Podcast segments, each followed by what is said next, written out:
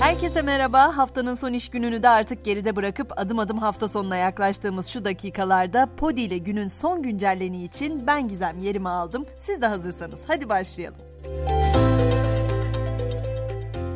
Türkiye'nin en uzun dördüncü köprüsü olan Adana 15 Temmuz Şehitler Köprüsü açıldı. Seyhan Nehri üzerindeki 1669 metrelik köprü, 6 şeritli yoluyla şehrin iki yakasını alternatif olarak buluşturmak için yapıldı. Salı akşamı canlı yayında rahatsızlanan Cumhurbaşkanı Erdoğan'ın bugün Adana'da yapacağı miting de iptal edildi. Erdoğan Adana'da yapılan köprü açılışına online katıldı.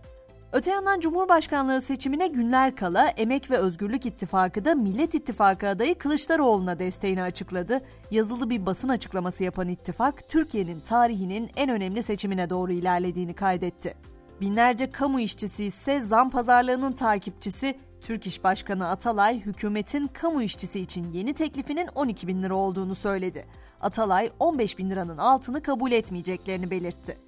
Yine bugünün belki de en çok konuşulanlarından özellikle de kadınları ilgilendiren haberini de vereyim. Anayasa Mahkemesi Türk Medeni Kanunu'nda yer alan ve kadının soyadı olarak yalnızca evlenmeden önceki soyadını kullanmasını engelleyen hükmü eşitliğe aykırı bularak iptal etti. Yani artık kadınlar evlenmeden önceki soyadını tek soyad olarak evlendikten sonra da kullanabilecek. Bugün resmi gazetede yayımlanan karar 9 ay sonra yürürlüğe girecek.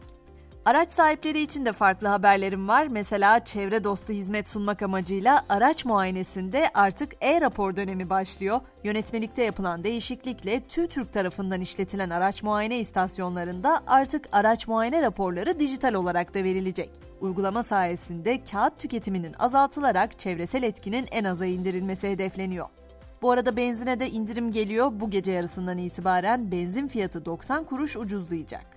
Gelelim Sudan'a, ülkede çatışan taraflar ateşkesin 72 saat daha uzamasını kabul etti. Ülkelerin Sudan'daki vatandaşlarının tahliyesine devam etmesi bekleniyor.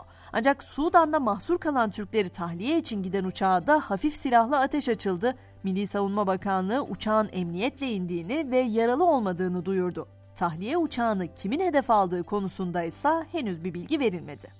Hemen biraz da yargı koridorlarına uzanalım. Kamuoyunda Jet Fadıl olarak bilinen Fadıl Akgündüz'e verilen ceza belli oldu. Bayrampaşa'daki Kapris Gold'la Maldivler'deki Kapris Maldivler adlı gayrimenkul projeleriyle 614 kişiyi dolandırdığı iddiasıyla yargılanan Akgündüz, 2504 yıl hapis cezasına çarptırıldı. Bir başka dava için Amerika'ya uzanacağız. Orada da savcılık Amerikan ordusuna ait gizli belgeleri internet ortamında yayınladığı iddiasıyla tutuklanan Ulusal Hava Muhafızları askerinin tutuksuz yargılama talebinin reddedilmesini istedi. Gerekçe olarak askerin kaçabileceği veya yabancı bir devlete sığınabilecek olması gösterildi. Hemen davalık olan şarkıların haberini de aktarayım. 2014 yılında büyük bir başarı yakalayan Thinking Out Loud şarkısını Martin Gaye'in 1973 tarihli Let's Get It On şarkısından kopyaladığı öne sürülen İngiliz şarkıcı ve söz yazarı Ed Sheeran mahkemeye çıktı. Kendisine yöneltilen suçlamaları reddeden şarkıcı New York'ta görülen mahkemede şarkı söyledi ve gitarıyla nasıl şarkı bestelediğini gösterdi. Dünya gündeminde bir sonraki durağımız İspanya olacak. İspanya'da artan kira fiyatlarına hükümet ilk kez müdahale etti. Kira artışlarına sınırlama getiren yasa tasarısı meclisten geçti, tasarı onay için senatoya gönderildi. Biz Covid-19'u çoktan gündemden çıkardık ama Çin yeni çıkarıyor diyebiliriz. Çünkü Çin yurt dışından gelen yolculara Covid-19 testi zorunluluğunu yeni kaldırıyor. Yarından itibaren gelen yolcuların PCR testi yaptırması zorunlu olmayacak. Sosyal medya dediğimde ise belki de aklınıza gelen ilk isim artık Elon Musk çünkü onun yönetimindeki Twitter yine yeni kararlara imza attı. Twitter bu yılın başlarında esrar reklamlarına izin veren ilk büyük sosyal medya şirketi olmuştu. Şimdi platform esrarın yasal olduğu ABD eyaletlerinden daha fazla reklamcı çekmek amacıyla bu kuralları gevşetmeye karar verdi. Twitter yakın zamanda görselli uyuşturucu reklamlarına da izin verecek.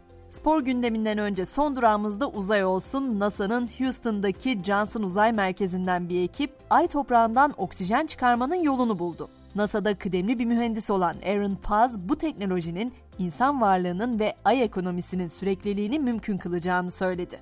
Hemen spor notlarımızı da ekleyelim. Süper Lig'de 32. hafta bugün tek karşılaşmayla başlıyor. Antalya Spor'la Ümraniye Spor arasındaki mücadelenin başlama saati 20 olacak.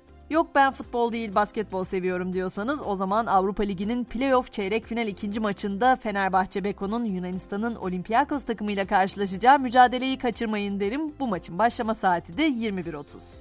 Son olarak da Brezilya'nın efsane futbolcusu Pele'nin adının sözlüğe girdiği haberini aktarmak isterim. Brezilyalılar istisnai, kıyaslanamaz veya benzersiz gibi tanımlamalar için artık Pele sıfatını kullanabilecek. Ve güncelleni noktalarken hafta sonuyla birlikte hem haftayı hem de Nisan ayını bitirmiş olacağız. Pazartesi günü 1 Mayıs İşçi ve Emekçiler Bayramı dünya çapında kutlanan bu birlik, dayanışma ve haksızlıklarla mücadele gününün ben de şimdiden bayram tadında geçmesini diliyorum. Emeğin, emektarın, alın terinin, iyiliğin ve yardımlaşmanın günü olan 1 Mayıs şimdiden kutlu olsun diyorum.